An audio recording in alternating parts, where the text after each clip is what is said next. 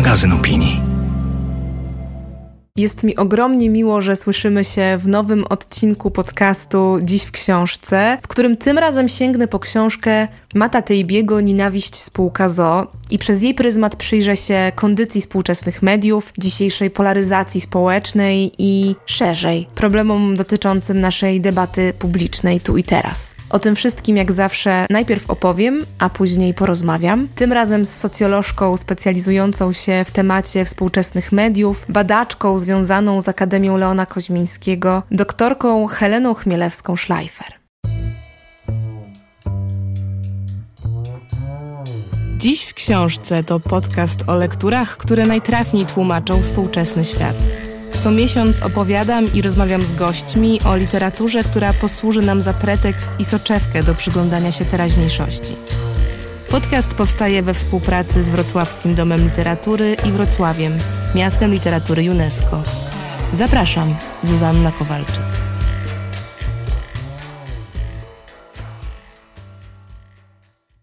Na wstępie muszę się przyznać, że ciężko mi zacząć ten odcinek, ponieważ nagrywam to wprowadzenie w dość szczególnych okolicznościach. Przygotowując się i wybierając temat polaryzacji we współczesnych mediach, miałam w tyle głowy dość szeroki plan, takie rozległe pole wyzwań, jakie stoją dzisiaj przed i twórcami, i odbiorcami mediów, głównie w kontekście dezinformacji, mieszania opinii, faktów, okopywania się w bańkach światopoglądowych, czy szkodliwych dla jakości treści sposobów finansowania mediów, które opierają się na sprzedaży emocji. No niemniej sytuacja w Polsce w kontekście mediów jest bardzo dynamiczna i bardzo niepokojąca, bo tak się składa, że nagrywam ten wstęp zaraz po przegłosowaniu przez Sejm ustawy Lex TVN, która ma na celu nieprzedłużenie koncesji dla tej stacji. Z jednej strony złapała mnie taka wątpliwość, czy odcinek o książce, która dość krytycznie przygląda się współczesnym mediom i rządzącym nimi mechanizmom, jest aby na pewno trafionym w moment pomysłem, bo niezależnie od tego, jakie kto ma zdanie na temat tej czy innej stacji lub gazety, albo jakie bolączki w ogóle trawią dziś media, a jest ich niemało, to wolne media, niezależne, są absolutną demokratyczną podstawą. I tu i teraz jest to w moim odczuciu kwestia kluczowa i zupełnie niepodważalna. Ale z drugiej strony, pomyślałam, że jest to też w jakimś sensie dobry moment na podjęcie właśnie tego tematu, czyli tematu kryzysu debaty publicznej, bo obecna sytuacja, wyjątkowo niebezpieczna i powiedziałabym wręcz radykalna, jakoś graniczna, jest poniekąd właśnie konsekwencją tego szerszego problemu, z którym się zmagamy. Czyli nie tylko problemu rozmontowywania demokracji, ale też szerzej i skutków i przyczyn tego stanu rzeczy, czyli choćby zaniechania prawdziwej rozmowy w mediach, strachu przed taką prawdziwą dyskusją, jest tutaj też kwestia ograniczania pluralizmu, zaogniania antagonizacji i konfliktu, bo konflikt się przecież klika, ogląda, i bardzo określonym stronom opłaca. Jest tym też wojna o odbiorcę, którym można manipulować i którego opłaca się wrzucić w jakąś bardzo szczelnie zamkniętą i określoną tożsamościową bańkę. Czyli w ogóle jest umowa o problemie podejścia do różnorodności opinii i przez to samej instytucji debaty publicznej, tworzonej dziś między innymi przez media. I wbrew pozorom mam takie poczucie, że ten temat, mimo że gdzieś pozornie, nieustannie wałkowany, jest jednak wciąż jakoś niedostatecznie rozeznany i zrozumiany tak społecznie. A obecna sytuacja z TVN-em, czy wcześniej sytuacja z wykupieniem spółki Polska Press, wydającej dzienniki lokalne, dość jednoznacznie pokazuje, jak bardzo jest to dziś temat ważny i palący jak ważna jest ta rola mediów i jak ważne jest zrozumienie rządzących nimi mechanizmów, bo to one w dużej mierze kształtują naszą rzeczywistość społeczną i to one bywają dla znakomitej większości oknem na świat. Do tego dodajmy jeszcze nieunikniony kontekst pandemiczny. Trochę dostaliśmy taki przedsmak tego, co by się działo, gdyby nie mimo wszystko wciąż obecne media rzetelne, media pokazujące sprawdzone informacje, zwalczające fake newsy. I z jednej strony ta rola mediów, ta potrzeba tej ich roli jest dzisiaj coraz bardziej aktualna, a z drugiej takie podejście do mediów jest tym podejściem bardziej misyjnym, bardziej odpowiedzialnym społecznie, takim zaangażowanym,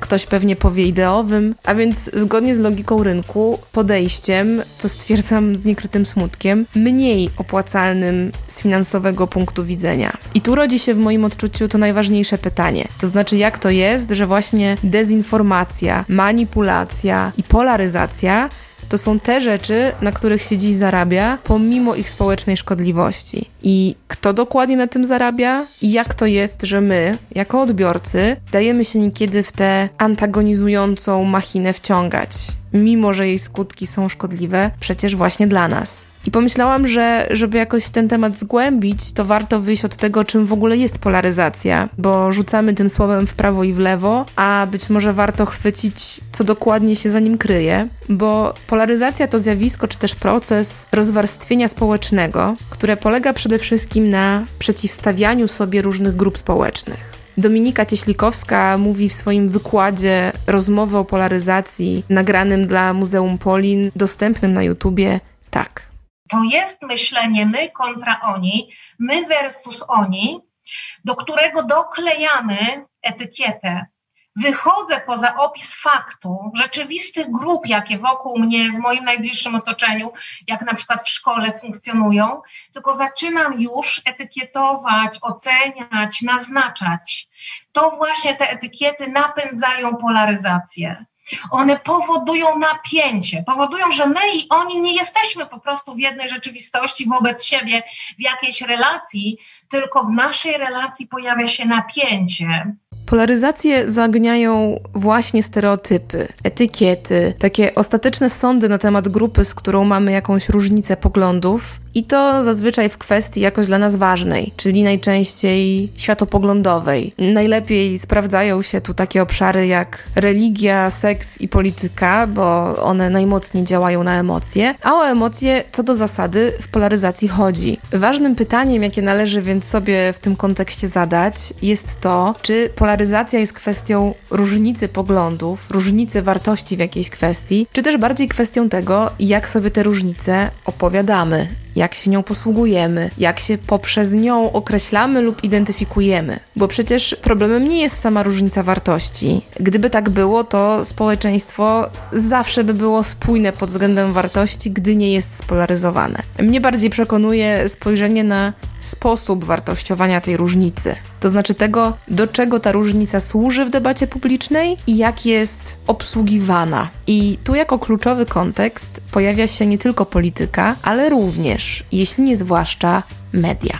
I właśnie o tym, to znaczy o tym, jak wygląda i jak działa polaryzacja we współczesnych mediach, napisał swoją książkę, która jest punktem wyjścia i odbicia dla tego odcinka, Matt Taibbi. Książka ta nosi tytuł Nienawiść spółka ZO jak dzisiejsze media każą nam gardzić sobą nawzajem. Jest autorstwa Tejbiego, czyli amerykańskiego pisarza i dziennikarza znanego z ciętego języka, związanego z mediami liberalnymi, co jest jakoś istotne dla zrozumienia niuansów jego przekazu. Niegdyś korespondenta z krajów byłego Związku Radzieckiego, później dziennikarza sportowego i gospodarczego, który między innymi analizował kryzys finansowy z 2008 roku i rozmaite przekręty bankowe. Ale Taibi przede wszystkim jest dziennikarzem politycznym i publicystą, a jego książka Nienawiść spółka ZO jest taką formą rozliczenia się jego z rynkiem mediów, na którym jest aktywny w Stanach Zjednoczonych. Więc treść tej książki najpierw ukazywała się w internecie w odcinkach, później w 2019 roku została opublikowana w formie papierowej i całościowej i ostatecznie ma taką formułę reportażu eseju w odcinkach. Są to teksty głównie pisane przed ostatnimi wyborami prezydenckimi w Stanach. Więc siłą rzeczy oddają one sytuację w mediach w momencie interpretowanym przez liberalną stronę, czyli stronę Tajbiego, jako taki trochę sąd ostateczny, taki ostatni bastion demokracji, ostatnia szansa na odwrót od Trumpa, czyli w sytuacji bardzo silnej polaryzacji, którą Tajbi bierze pod lupę i co ważne, robi to patrząc krytycznie na obie strony tego sporu. Wiele bardzo poważnych problemów społecznych, jak to, że nie udało się powstrzymać masowych kantów na rynku kredytów hipotecznych, wyrasta z kwestii wspólnych dla republikanów i demokratów. Ale w prasie regularnie sprzedajemy ludziom uproszczony obraz polityki dwóch partii, które w żadnej kwestii nie mogą się pogodzić. Jeżeli stoicie po którejś ze stron, rzadko się zdarzy, byście zobaczyli ją w ogniu krytyki. Matt Taibbi, Nienawiść spółka ZO, w przekładzie Tomasza S. Gałązki. Wiele osób zarzuca tej książce, co poniekąd rozumiem, że trochę przypomina ona taką zemstę kolegi po fachu, jest ona rzeczywiście bardzo ostra i dość jednoznaczna w swoich sądach, ale mimo tej ostrości wydaje mi się, że Tejbi trafnie wydobywa i naświetla mechanizmy, które stoją właśnie za medialną polaryzacją. I te mechanizmy, jeśli skupić się bardziej na nich niż na masie niuansów dotyczących różnych afer i przepychanek medialnych i politycznych w Stanach, które dla polskiego czytelnika i czytelniczki mogą być nie do końca czytelne, to ta warstwa tej książki, ta bardziej uniwersalna, wydaje mi się jakoś ważna, aktualna i ciekawa, aby przez jej pryzmat przyjrzeć się swojemu otoczeniu i debacie publicznej w naszym kraju. Najgłośniejszym echem odnośnie tej książki odbiło się tak zwanych 10 przykazań nienawiści według Tejbiego, które się mieszczą w jednym z rozdziałów. Są to oczywiście tak zwane przykazania sformułowane głównie w odniesieniu do amerykańskiego rynku mediów, ale jak sądzę łatwo przetransferować je na nasze podwórko, więc bardzo pokrótce wam je przytoczę. Pierwsze przykazanie nienawiści brzmi: istnieją tylko dwie ideologie.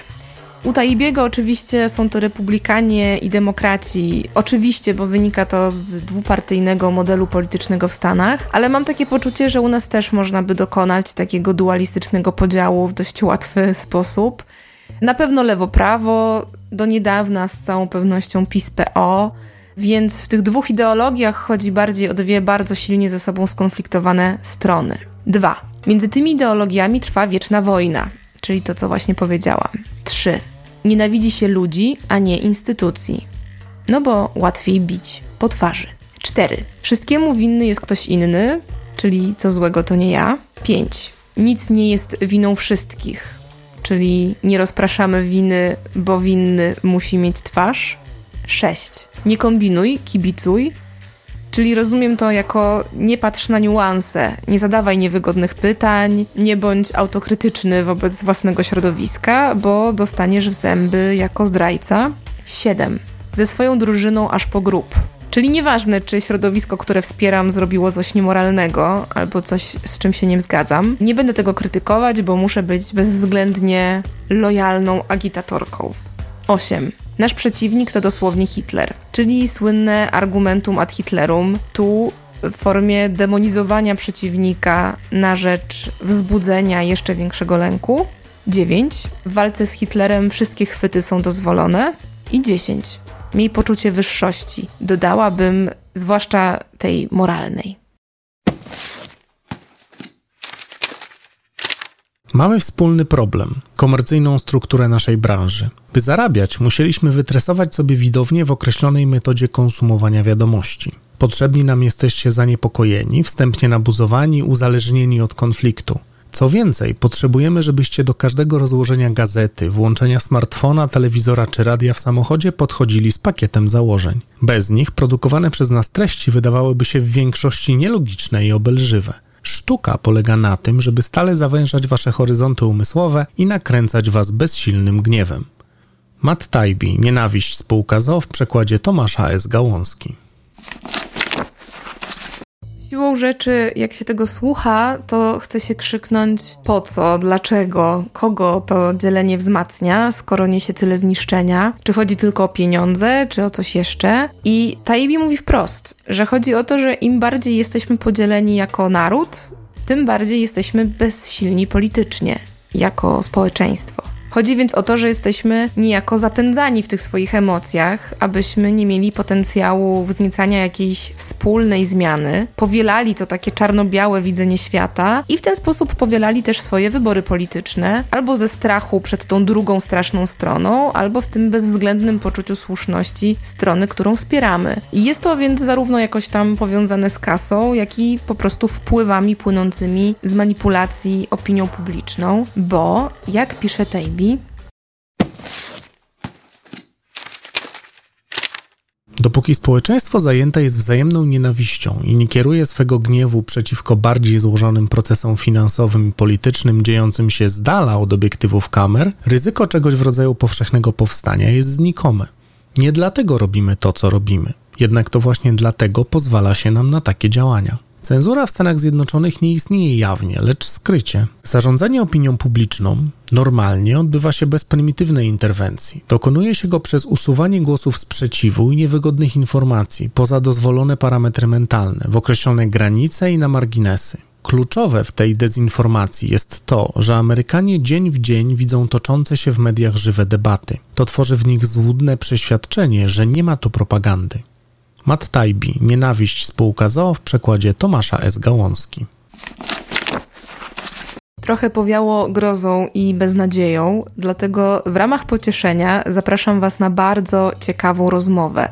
Rozmowę z doktorką Heleną Chmielewską-Schleifer, która na tę rozpacz Tajbiego dotyczącą tej zgnilizny środowiska medialnego, a raczej medialno-politycznego, odpowiada z pewną dozą powściągliwości co do tak radykalnych sądów i z jakąś nutą nadziei na to, że choć z polaryzacją mamy dziś ogromny problem, to jednak nie do końca może aż tak, jak się może wydawać. Lubimy się w tej polaryzacji okopywać, a to jest jakimś promyczkiem słońca w tym ciemnym obrazie, który Tajbi w nienawiści spółce ZO przed nami roztacza.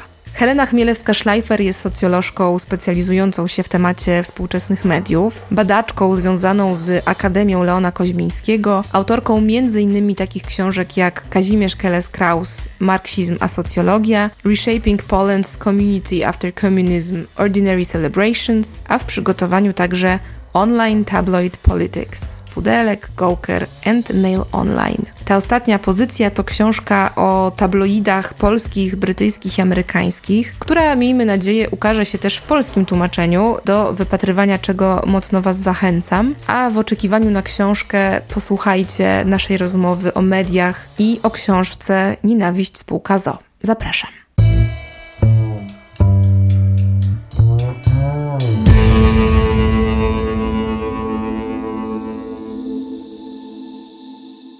Jeszcze raz bardzo Ci dziękuję za przyjęcie zaproszenia. I jako, że tematem naszej rozmowy będzie książka Mata Taibiego Nienawiść spółka ZO, która opisuje przede wszystkim amerykański rynek medialny, ale też szerzej, o czym mam nadzieję powiemy, bardziej uniwersalne mechanizmy rządzące współczesną debatą publiczną, to chciałabym zacząć od tego, żeby zapytać Cię, jak Ty w ogóle odbierasz takie porównania, przecież nierzadkie w Polsce, sfery publicznej, politycznej, społecznej w Stanach Zjednoczonych do sytuacji w Polsce. Bo mam takie poczucie, że polskie media uwielbiają po prostu czynić podobne analogie. Te Stany w pewnym sensie wciąż funkcjonują trochę jak taki ulubiony punkt odniesienia i mimochodem to jest jednak opowieść o jakimś wyrywku rzeczywistości, która nieuchronnie stosuje pewne uproszczenia, ale być może jest to dla nas jakoś użyteczne. Więc jak ty się w ogóle odnajdujesz w takiej próbie odnoszenia różnych analiz i diagnoz społecznych ze Stanów na Polskę. No i tutaj w przypadku Taibiego pojawiło się dużo porównań na polskim rynku, że ten konflikt, który on opisuje na linii stacji telewizyjnej Fox i MSNBC,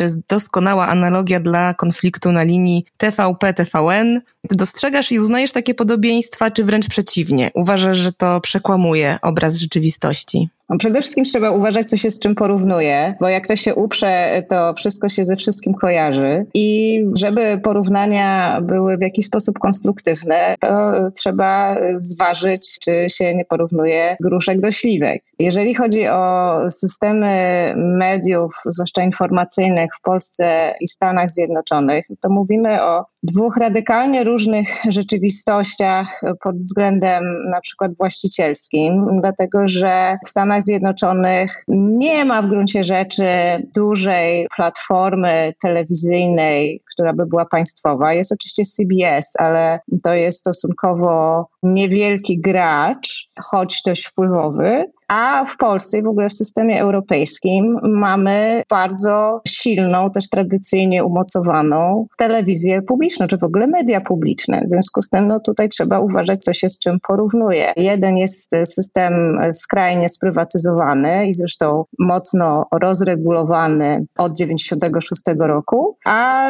system polski, gdzie no, ten główny gracz na rynku mediów, czy jeden z głównych graczy na rynku mediów jest graczem finansowanym z podatków.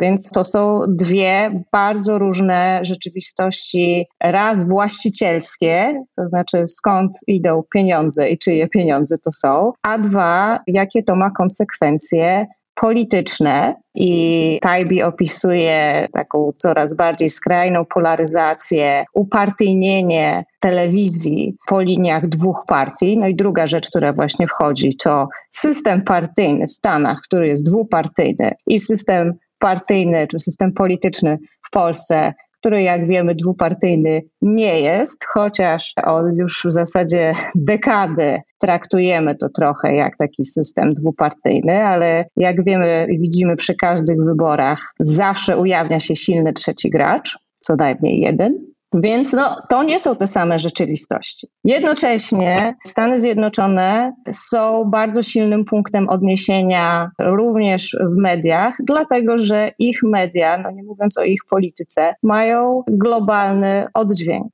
I nasza kultura popularna jest w dużej mierze, żeby nie powiedzieć w znaczącej mierze, oparta na tym, co przychodzi do nas ze Stanów Zjednoczonych. Czy to będą formaty newsowe, czy to jak wyglądają programy informacyjne, czy publicystyka, czy to jakie seriale oglądamy i na czym, tak? Na Netflixie, na Amazonie, na HBO i tak dalej, i tak dalej. No to są wszystko wpływy albo po prostu bezpośrednio firmy ze Stanów Zjednoczonych. Więc tutaj oczywiście te paralele są. Ale jest jeszcze inna rzecz i to jest czymś, czym ja się jakby bardziej bezpośrednio zajmuję naukowo, to kwestia też historyczna systemów medialnych. I w fantastycznej książce Halinego i Manciniego, która jest no, książką naukową, więc może nie dla każdego, ale oni porównują historycznie mniej więcej od połowy XIX wieku tworzenie się w ogóle mediów w tej tak zwanej globalnej północy przede wszystkim i pokazują różne uwarunkowania polityczne i gospodarcze, które wpływały na to, w jaki sposób konstruowały się systemy mediowe, czy właśnie one są współfinansowane przez państwo, czy są w pełni prywatne, w jaki sposób one się mają do systemów partyjnych itd. Tak itd. Tak I tutaj pojawia się rzeczywiście dużo punktów wspólnych między Polską a Stanami Zjednoczonymi i też Wielką Brytanią. Pewne związki czy podobne procesy zachodzące historycznie, mimo też oczywistych różnic, spowodowały, że systemy w tych trzech krajach mediowe są dość zbliżone pod względem dość silnego wpływu kapitału i takiego myślenia bardzo rynkowego i też jednocześnie polaryzacji politycznej. Więc żeby nie było, że te opracowania naukowe wskazują na pewne rzeczywiście ciekawe paralele między tymi systemami polskim i amerykańskim. To zahaczyłaś właśnie o ten wątek historyczny i tego, jak się zmieniała pozycja rynku medialnego w ostatnich dekadach. Zanim zaczęłyśmy nagrywać, też rozmawiałyśmy właśnie o tym, jak w Polsce wejście jakby prywatnego rynku do mediów, jak zmieniło sytuację i osób pracujących w mediach, i gości zapraszanych do mediów, i w ogóle jakby pozycji tych mediów. Więc trzymając się jeszcze na moment tej przeszłości, która nam dzisiaj rezonuje, w przedmowie do swojej książki Tajbi stwierdza, że w poprzednim pokoleniu nie zdarzyłoby się wam zobaczyć, że przedstawiciele mediów nawołują do wzmożenia władzy cenzorskiej i regulowania środków masowego przekazu. Stwierdza też, że nie zobaczylibyśmy aż tylu ludzi prasy tak otwarcie wspierających tę czy inną opcję polityczną. On oczywiście to odnosi do sytuacji mediów amerykańskich, ale no właśnie, gdybyśmy spróbowały spojrzeć na tę tezę trochę szerzej, może niekoniecznie stricte w odniesieniu do Polski, która jak wiemy ma wyjątkowo specyficzną historię, ale powiedzmy do kręgu kulturowego euroamerykańskiego, to czy ty się zgadzasz tak sformułowaną tezą? To znaczy, czy rzeczywiście zapędy cenzorskie i jawne opowiadanie się za konkretną stroną sporu politycznego to są zjawiska, tendencje jakoś szczególnie wzmocnione w ostatnich latach czy dekadach? Nie zgadzam się z tą tezą i zresztą jest to jedna z wielu tez, które stawia Taipei, do których mam wątpliwości, ponieważ zmieniła się trochę sytuacja, to znaczy mamy więcej różnych punkt wejścia dla osób, które nadają informacje. Natomiast wcześniej samych tych źródeł informacji, tych mediów, znaczy jako tych nadajników informacji, czy to była telewizja, radio, gazety, było mniej. W związku z tym ci ludzie, którzy w tych mediach pracowali, byli znacznie silniejszymi strażnikami, filtrami tego, jakie informacje przechodzą, co jest uznawane za ważne. W związku z tym, no nie trzeba jakoś bardzo się wysilać, żeby zobaczyć, że jakby ten element, który on nazywa cenzorskim, i tutaj można się spierać o definicję tego, był w innym miejscu. I to zostało radykalnie zmienione przez internet, ale już wcześniej, od lat 80., kiedy zaczęły się otwierać bardziej fale dla innych nadawców i kiedy pojawiło się więcej konkurencji na rynku mediowym, pojawiło się więcej informacji, czy właśnie pseudoinformacji rozrywkowych, takim tabloidowym stylu, ponieważ było więcej graczy, którzy walczyli o odbiorców.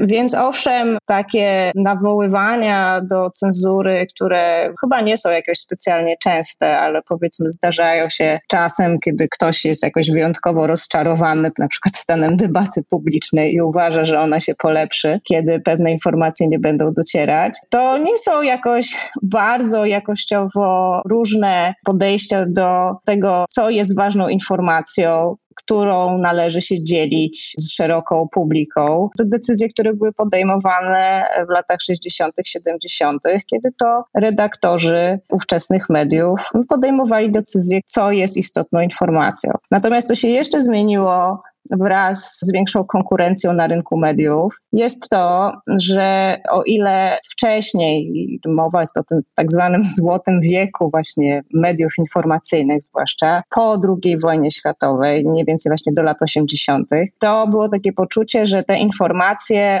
mają być istotne dla wspólnoty. Oczywiście można sobie zadawać tutaj dużo pytań, co to znaczy ta wspólnota, ale generalnie konsensus taki grubo ciosany był taki, że te informacje, które pojawiają się w mediach informacyjnych, to są ważne rzeczy dla naszej wspólnoty, zazwyczaj tłumaczonej jako wspólnota narodowa. To zaczęło się rozluźniać wraz z wejściem konkurencji, ponieważ okazało się, że to, co jest ważne, to niekoniecznie to, co my uważamy za ważne dla wspólnoty, nawet mając jak najlepsze intencje, ale to, co będzie się dobrze sprzedawać. I to też sprzęgło się na przykład ze zmianami na rynku prasy, kiedy to warto pamiętać o tym, że gazety generalnie pierwotnie były albo finansowane przez partie polityczne i stąd miały pieniądze, albo były gazetami bardziej powiedzmy bulwarowymi, i to były gazety od początku oparte na kalkulacji rynkowej, to znaczy miały się sprzedawać. I w momencie, kiedy zakręcały się te kurki finansowania partyjnego, no to nagle się okazało, że żeby przyciągnąć odbiorców, trzeba im przedstawiać informacje, które będą chcieli czytać, a no niestety najlepiej przyciągają oczy informacje sensacyjne. I dlatego jak płaczemy o tabloidyzacji mediów wszelakich, to to jest zjawisko, które jest bardzo ściśle sprzęgnięte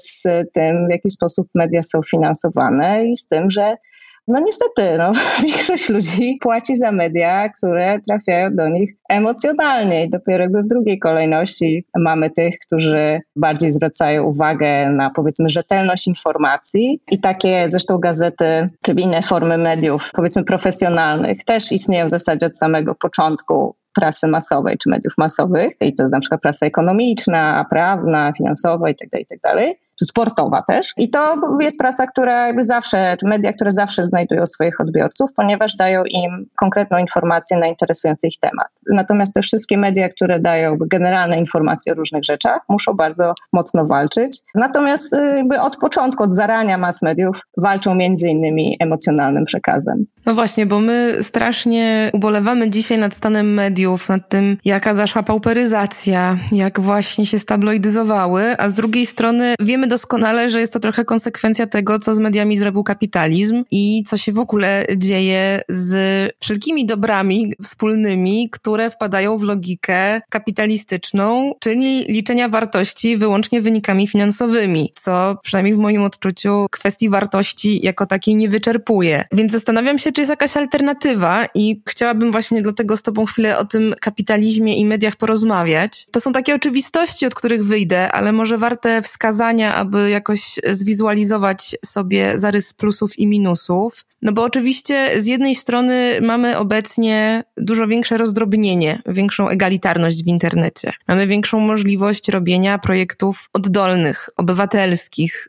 To trochę w Polsce pokazał moment, w którym media publiczne zaczęły tracić swoją wiarygodność i nagle na przykład dzięki platformie Patronite udało się powołać nowe media, które dziennikarzy z mediów publicznych zgarnęły. No ale właśnie, z drugiej strony mamy dość herlawy model finansowania mediów, wśród których te naprawdę misyjne i rzetelne mają ogromny problem, aby pozostać opłacalnymi. Znamy oczywiście kulisy finansowania wielu think tanków, ekspertów i właśnie mediów przez przedsiębiorstwa, które chcą pokazać dany obraz problemu w taki sposób, aby było to użyteczne dla rozwoju ich biznesu. No mamy oczywiście te clickbaity, manipulacyjne nagłówki, pogoń za sensacją, która służy eskalacji emocji, a niekiedy też dezinformacji, no bo emocje sprzedają. No i właśnie, sprzedają też reklamy, bo dużo mediów zarabia głównie na reklamach i to rodzi bardzo zasadną wątpliwość, kto przede wszystkim decyduje dzisiaj o treściach. Czy właśnie redaktor bądź redaktorka, który czuwa merytorycznie nad kształtem magazynu, czy jednak reklamodawcy mają to ostateczne słowo, skoro nierzadko dysponują budżetami strategicznymi dla przetrwania danego medium, co też jest dość istotne. Tajbi też zwraca uwagę na to, jaka przynajmniej w Stanach Zjednoczonych, ale uważam, że w kontekście Polski to nie, nie, nie jest bardzo różne, jaka grupa jest w ogóle w stanie pracować społeczna w mediach, tak? Bo on pisze o tym, że to jest bardzo konkretna grupa społeczna w Stanach raczej białych, raczej zamożnych, wykształconych, tych, którzy mogli sobie pozwolić na bezpłatne staże i, i długie czołganie się do góry za grosze. I mogę potwierdzić, że w Polsce nie jest to dużo inna rzeczywistość pod tym względem żeby w tych mediach się jakoś zahaczyć, to jest bardzo duża doza ciężkiej pracy za bardzo niskie pieniądze i nie każdy sobie na to może po prostu pozwolić. Ostatnio u nas też symptomatyczna była chociażby sytuacja z konfliktem na linii Agora Gazeta Wyborcza, która pokazała, no, że utrzymanie niezależności pełnej dużego medium od tych właśnie wpływów finansowych i reklamowych jest bardzo trudna i bardzo nieoczywista. Mamy z jednej strony plusy, z drugiej minusy. Zastanawiam się, dokąd no, to może w takim razie zaprowadzić. Czy w takich okolicznościach w ogóle jeszcze możliwe jest podtrzymanie jakiegoś społecznego zaufania wobec mediów? No i czy istnieje jakaś alternatywa wobec tego herlawego systemu finansowania mediów w tej kapitalistycznej logice? Tutaj dwie uwagi. Po pierwsze, media to dziecko kapitalizmu, więc oczywiście, że media się zmieniają wraz z kapitalizmem, ale mass media to jest bezpośrednie dziecko tego nowoczesnego kapitalizmu, masowego kapitalizmu, który powstał w połowie XIX wieku i to jest też początek mediów masowych, no wtedy przede wszystkim prasy. Dwa, finansowanie. Pytania o finansowanie mediów też są tak stare jak media. Dlatego, że no zawsze ktoś za nie płaci i w związku z tym zazwyczaj też chce mieć wpływ na treści. Więc to w ogóle nie są nowe pytania, to są pytania takie fundacyjne mediów masowych. I też warto pamiętać, że na przykład jednym z pierwszych takich mediów, powiedzmy, protomasowych były gazety, które informowały, jakie są dobra na statkach. Lloyd's List to jest chyba najstarsza w ogóle jeszcze istniejąca gazeta na świecie, która powstała bodajże w XVI wieku. W związku z tym dobrze pamiętać o tym, że te pierwsze gazety, znaczy miały format gazetowy, to były w zasadzie listy towarów, które pozwalały kupcom, no, czyli absolutnie twórcom kapitalizmu, zorientować się, co jest na jakim statku, kiedy on przypłynie, w związku z tym, jakie będzie można robić utargi więc dobrze jakby mieć z tyłu głowy, jak w ogóle powstała prasa. Natomiast jeżeli chodzi o pytanie o to, w jaki sposób e, media się finansują, tak jak wspomniałam wcześniej, media, zwłaszcza gazety, to były te pierwsze media masowe, finansowały się albo za pomocą pieniędzy partyjnych, Czyli innymi słowy, partie chciały mieć swoje własne media, żeby móc pokazywać innym swoją wersję świata i oczywiście przekonywać do tej wersji świata. I równolegle tworzyły się te tak zwane penny press, w Polsce czerwoniaki, które były prasą bulwarową. Czerwoniaki zresztą mają swoją nazwę od czerwonej farby drukarskiej i zresztą warto pamiętać o tym, że bulwarówki pod wieloma względami pchały technologię mediów do przodu i właśnie kolor został pierwszy wprowadzony przez prasę bulwarową. Dlaczego? Dlatego, że po pierwsze mieli pieniądze na inwestycje, a dwa, dlatego, że używali najróżniejszych świeżych technologii, żeby przyciągnąć czytelników. W związku z tym dużo progresu w mediach jest udziałem czy za przyczyną no właśnie tych mediów, o których myślimy jak najgorzej, więc dobrze też o tym pamiętać. Te tytuły bulwarowe walczyły no właśnie na przykład formatem, stąd właśnie format tabloidu, który był prawie o połowę mniejszy od tych tak zwanych broadsheets, żeby łatwiej było to czytać w transporcie, dlatego że klasa robotnicza, która jeździła do fabryk, nie miała miejsca do tego, żeby rozłożyć tę gigantyczną gazetę wielkości stołu, tylko musieli mieć coś poręcznego, więc same te formaty gazetowe, które dla nas są teraz oczywiste, też były zupełnie nieprzypadkowe i też nieprzypadkowe, jeżeli chodzi o grupę docelową. Więc te tytuły bardziej komercyjne usiłowały dotrzeć właśnie i formatem, i technologią, i oczywiście treścią do jak największej liczby ludzi, a te treści, które trafiają do liczby ludzi, no to są właśnie rzeczy typu człowiek pogryzł psa, różne jakieś takie przerażające historie kryminalne, oczywiście seks, jakby to, to jest po prostu stare jak media. Pod tym względem jesteśmy stali w naszych sympatiach, antypatiach i zainteresowaniach. Więc jakby ta część mediów, ta część e, jakby filozofii finansowania się mediów jest w pewien sposób stała. Natomiast ciekawsza rzecz być może dzieje się właśnie po tej stronie, która usiłuje przekazywać informacje może z nieco mniej w oczywisty sposób komercyjnym nastawieniem, e, czyli te tak zwane media opinii, jakie teraz nazywamy, ponieważ one u zarania też były stworzone dla bardzo określonych określonej grupy, to znaczy dla ludzi, którzy w pewien sposób mają władzę i różne formy władzy, czy to polityczną, czy to gospodarczą, czy to ma jakiś wpływ na innych, znaczy są w pewnym sensie influencerami. I w związku z tym to, o czym teraz myślimy jako tych takich ogólnych gazetach właśnie opinii, one nie były jakby robione dla byle jakiego czytelnika. To był bardzo konkretny czytelnik. I to takie poczucie, że należy być dobrze poinformowanym, czy dobrze poinformowaną, było trochę takim efektem ubocznym też między innymi powszechnej edukacji i po prostu zmniejszenia się poziomu analfabetyzmu, o czym nie należy zapominać. Poziom analfabetyzmu na początku XX wieku był gigantyczny. W związku z tym to, o czym teraz myślimy jako o tych takich ogólnych mediach informacyjnych, które należy śledzić, żeby być dobrze poinformowaną o świecie, to e, nie był taki naturalny punkt punkt wyjścia dla mediów. To był efekt edukacji, też wzrostu dostępu informacji i też w dużej mierze po II wojnie światowej takiego poczucia, że jeżeli nie chcemy dopuścić do kolejnej tego typu tragedii, to musimy zapewnić ludziom wystarczającą wiedzę, żeby mogli podejmować sami racjonalne decyzje. I media były bardzo istotnym graczem w tym wszystkim. I teraz jesteśmy w takim bardzo ciekawym momencie, kiedy te idee, bardzo światłe pod wieloma względami, przestały działać. I rozmowa, która w zasadzie się nie odbywa, jeżeli chodzi o media, to nie jest ta rozmowa, jak spowodować, żeby media informacyjne, które często robią bardzo poważną i trudną robotę, wszelkie śledztwa dziennikarskie itd., tak itd., tak które wymagają dużych nakładów finansowych, dużej też odwagi. To jest jedna rzecz, ale ta rozmowa, która która się specjalnie nie odbywa, to jest rozmowa, której dziennikarze czy właściciele tych mediów zadawaliby sobie pytania, no dobra, ale do kogo my w zasadzie się zwracamy z tymi informacjami? W jaki sposób my chcemy pokazać ludziom, że te informacje, które my mamy, są dla nich istotne? Jest takie domniemanie, że media informacyjne są ważne, bo są ważne, bo dają nam informacje o tym, co się dzieje na świecie, chociaż coraz bardziej to są informacje o tym, co się dzieje albo bardzo lokalnie, albo bardzo globalnie. Jest generalnie problem i na świecie, w szczególności w Stanach, ale też coraz bardziej w Polsce z prasą regionalną, jak wiemy coraz mniej pojawia się w ogóle pytań o to, jakby po co my to piszemy. I to być może ma jakieś oczywiste odpowiedzi, ale z mojego punktu widzenia, jakby badaczki współczesnych mediów informacyjnych, to jest pytanie, które media powinny sobie zadać na świeżo i dobrze sobie na nie odpowiedzieć, dlatego że spadające wyniki czytelnicze, zwłaszcza prasy drukowanej, czy też internetowej drukowanej, świadczą o tym, że coś jest nie tak. Jednocześnie też jest pewien konstans, też w zasadzie od lat 50., to znaczy telewizja nadal jest najważniejszym źródłem informacyjnym. To znaczy, nawet dla ludzi, którzy w ogóle telewizora nie mają,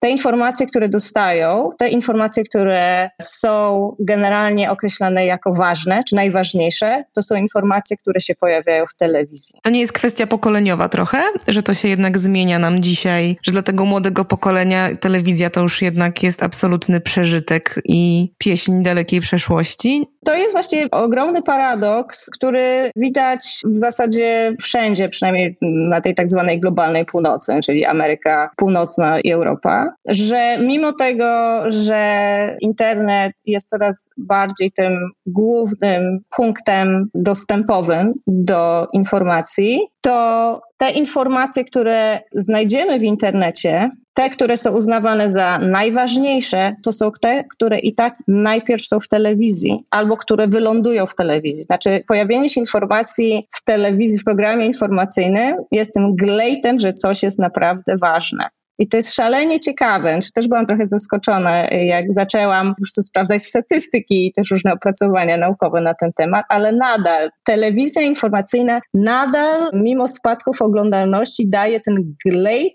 że coś jest naprawdę ważne. Więc mimo tego, że te słupki są coraz niższe, to prestiż jest nadal najwyższy w tych mediach informacyjnych w telewizji.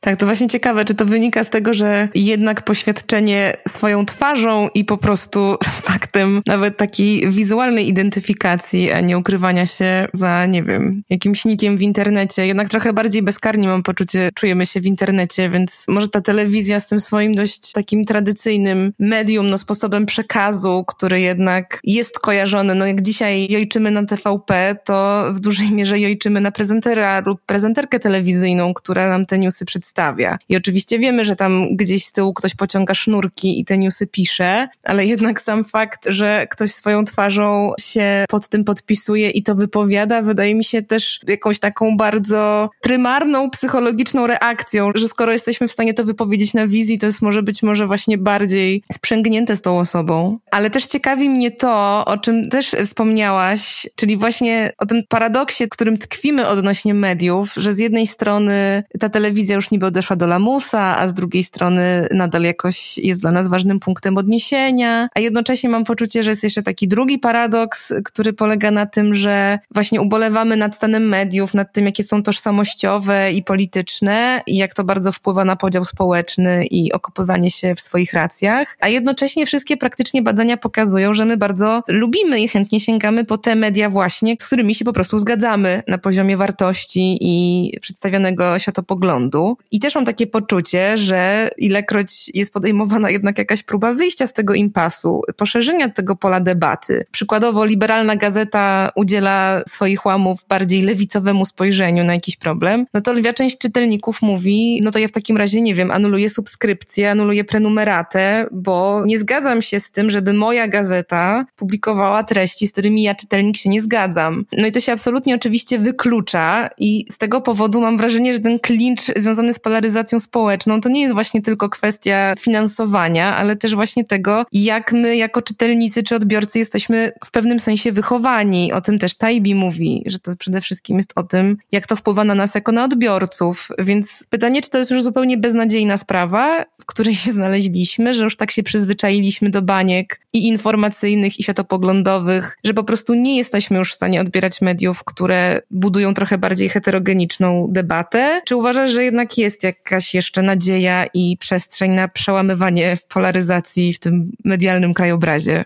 Nadzieja jest zawsze. Co więcej, jestem bardzo sceptyczna wobec tych tak zwanych ostatnio faktów medialnych, wrzucam w cudzysłów, o tym, że siedzimy we własnych bańkach i czytamy tylko te media, które lubimy, dlatego że przed naszym spotkaniem spojrzałam sobie w ostatnie badania Cebosu na ten temat. One co prawda już mają prawie dwa lata, są z 2019 roku, ale nie podejrzewam, żeby jakieś gigantyczne zmiany nastąpiły tutaj. I generalnie widać, że patrząc po sympatiach partyjnych odbiorców różnych mediów informacyjnych, mamy do czynienia w większości z takimi wszystkożercami. To znaczy, nie wszyscy czytają absolutnie wszystko, ale zdecydowanie większość, i tu zwłaszcza z prawej strony, uwaga, uwaga, czytają media, które bywają oskarżane o skręt na przykład w lewo albo skręt bardzo liberalny. Podobnie zresztą po drugiej stronie, czy ludzie, którzy identyfikują się jako centryści czy lewicowcy, też rzucają okiem na media, które z wyjątkiem może telewizji publicznej, która jest zdecydowanie oglądana wyłącznie przez czy w znakomitej większości przez prawicę. Bardzo niewielki odsetek osób mających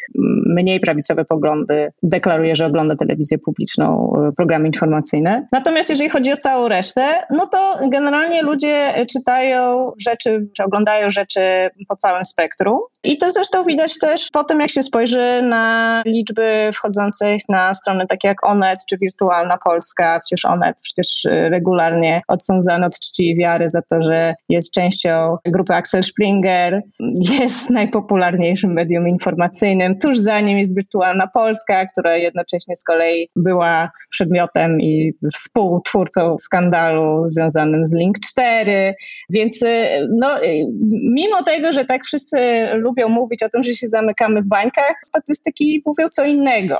I zresztą też podobne takie straszące informacje były podawane kilka lat temu, zwłaszcza przy okazji tego skandalu z Cambridge Analytica, o tym jak te manipulacje przede wszystkim na Facebooku no, zmieniły w gruncie rzeczy wynik wyborów, taka była teza. Natomiast praktycznie wszystkie badania robione potem, żeby sprawdzić, jaki jest wpływ tego rodzaju takich manipulowanych dezinformacji, pokazuje, że ten wpływ jest znikomy, dlatego że tego rodzaju jawnie takie agresywne informacje, agresywne dezinformacje są w stanie przekonać bardzo niewielki odsetek, znaczy to jest w okolicach kilku promili do procenta ludzi, którzy i tak już przejawiają tego rodzaju tendencje. Więc to jest taka kolejna tak zwana scare tactic, taktyka straszenia, którą zresztą Tajwisz w swojej książce bardzo obficie używa, dlatego ja mam wobec niej duże wątpliwości, zastrzeżenia. Natomiast potem jak się patrzy spokojnym okiem, chłodnym okiem na to, jak wyglądają statystyki oglądalności czy czytelnictwa, to nagle się okazuje, że ta rzeczywistość jest nieco spokojniejsza niż właśnie, o ironio, media pokazują.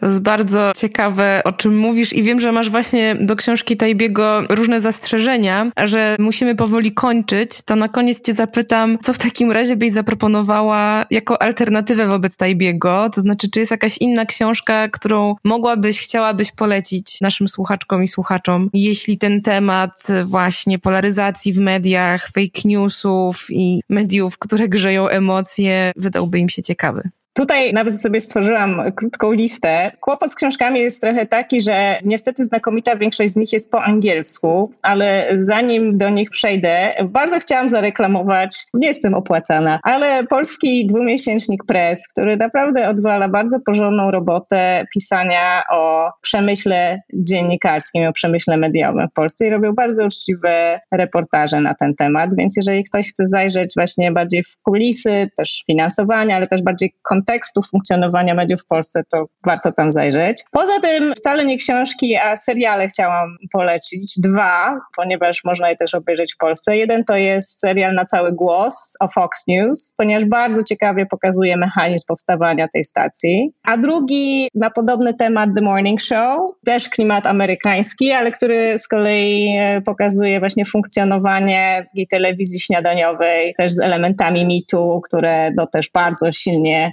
wpływają na to, co się dzieje w mediach, zwłaszcza w Stanach. Kilka osób musiało w niesławie odejść w ostatnich latach z mediów właśnie z powodu oskarżeń potwierdzonych o seksualne wykorzystywanie i wykorzystywanie relacji władzy.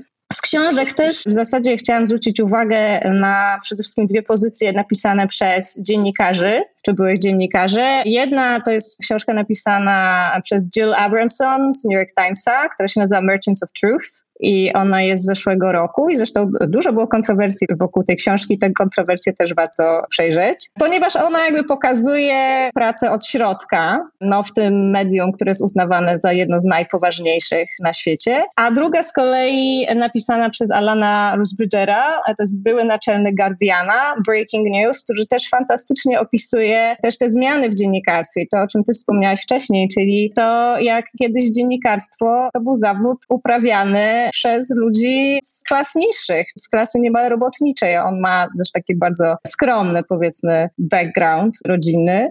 No i też opisuje historię Guardiana, który też jest takim drugim medium uznawanym za bardzo poważne, jednocześnie bardzo takie ideowo jasne, bardzo lewicowa gazeta. No i też jakby sława w ostatnich latach z udanych śledztw dziennikarskich. No a reszta to są już powiedzmy bardziej takie naukowe pozycje, ale polecam je, bo uważam je za szalenie ważne dla kogoś, kto jest zainteresowany. Książka, która zrobiła na mnie ostatnio gigantyczne wrażenie, to jest Scandal and Silence Roberta Entmana sprzed dziewięciu lat, która doskonale pokazuje, w jaki sposób tworzone są skandale i w jaki sposób one umierają. I to w kontekście polityki i istotnych skandali, które mogą wpływać na przykład na wyniki wyborów. Wspomniana przez samego Tajbiego oczywiście Manufacturing Consent Chomskiego i Hermana, to jest absolutnie klasyczna pozycja, którą czytają chyba wszyscy studenci dziennikarstwa. I też wspomniana przez Tajbiego świetna pozycja, e, która pokazuje o tym, jak się właśnie spinuje skandale, żeby straszyć ludzi, czyli książka Stanleya Cohena Folk Devils and Moral Panics z 72 roku, w której opisywał właśnie jak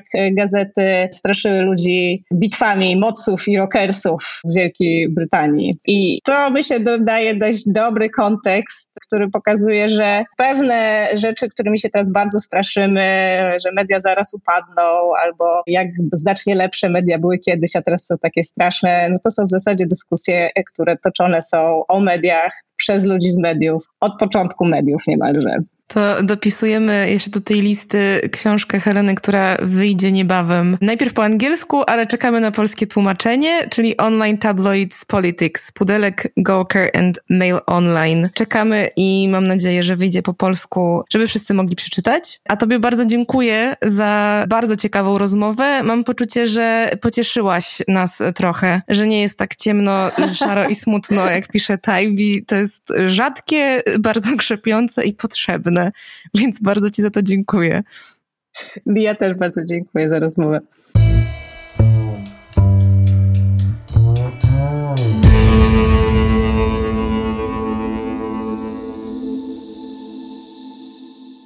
Pięknie Ci dziękuję, Helena, za niezwykle ciekawą rozmowę. Bardzo dziękuję też wszystkim Wam, którzy wysłuchaliście tego odcinka do końca. Wcześniejsze i kolejne odcinki podcastu Dziś w Książce znajdziecie jak zawsze na kanale podcastowym Pismo do Słuchania, na platformach Spotify, Apple Podcast, Google Podcast i SoundCloud oraz na kanale Radio Proza oraz YouTubie Wrocławskiego Domu Literatury. Dzięki i do usłyszenia za miesiąc.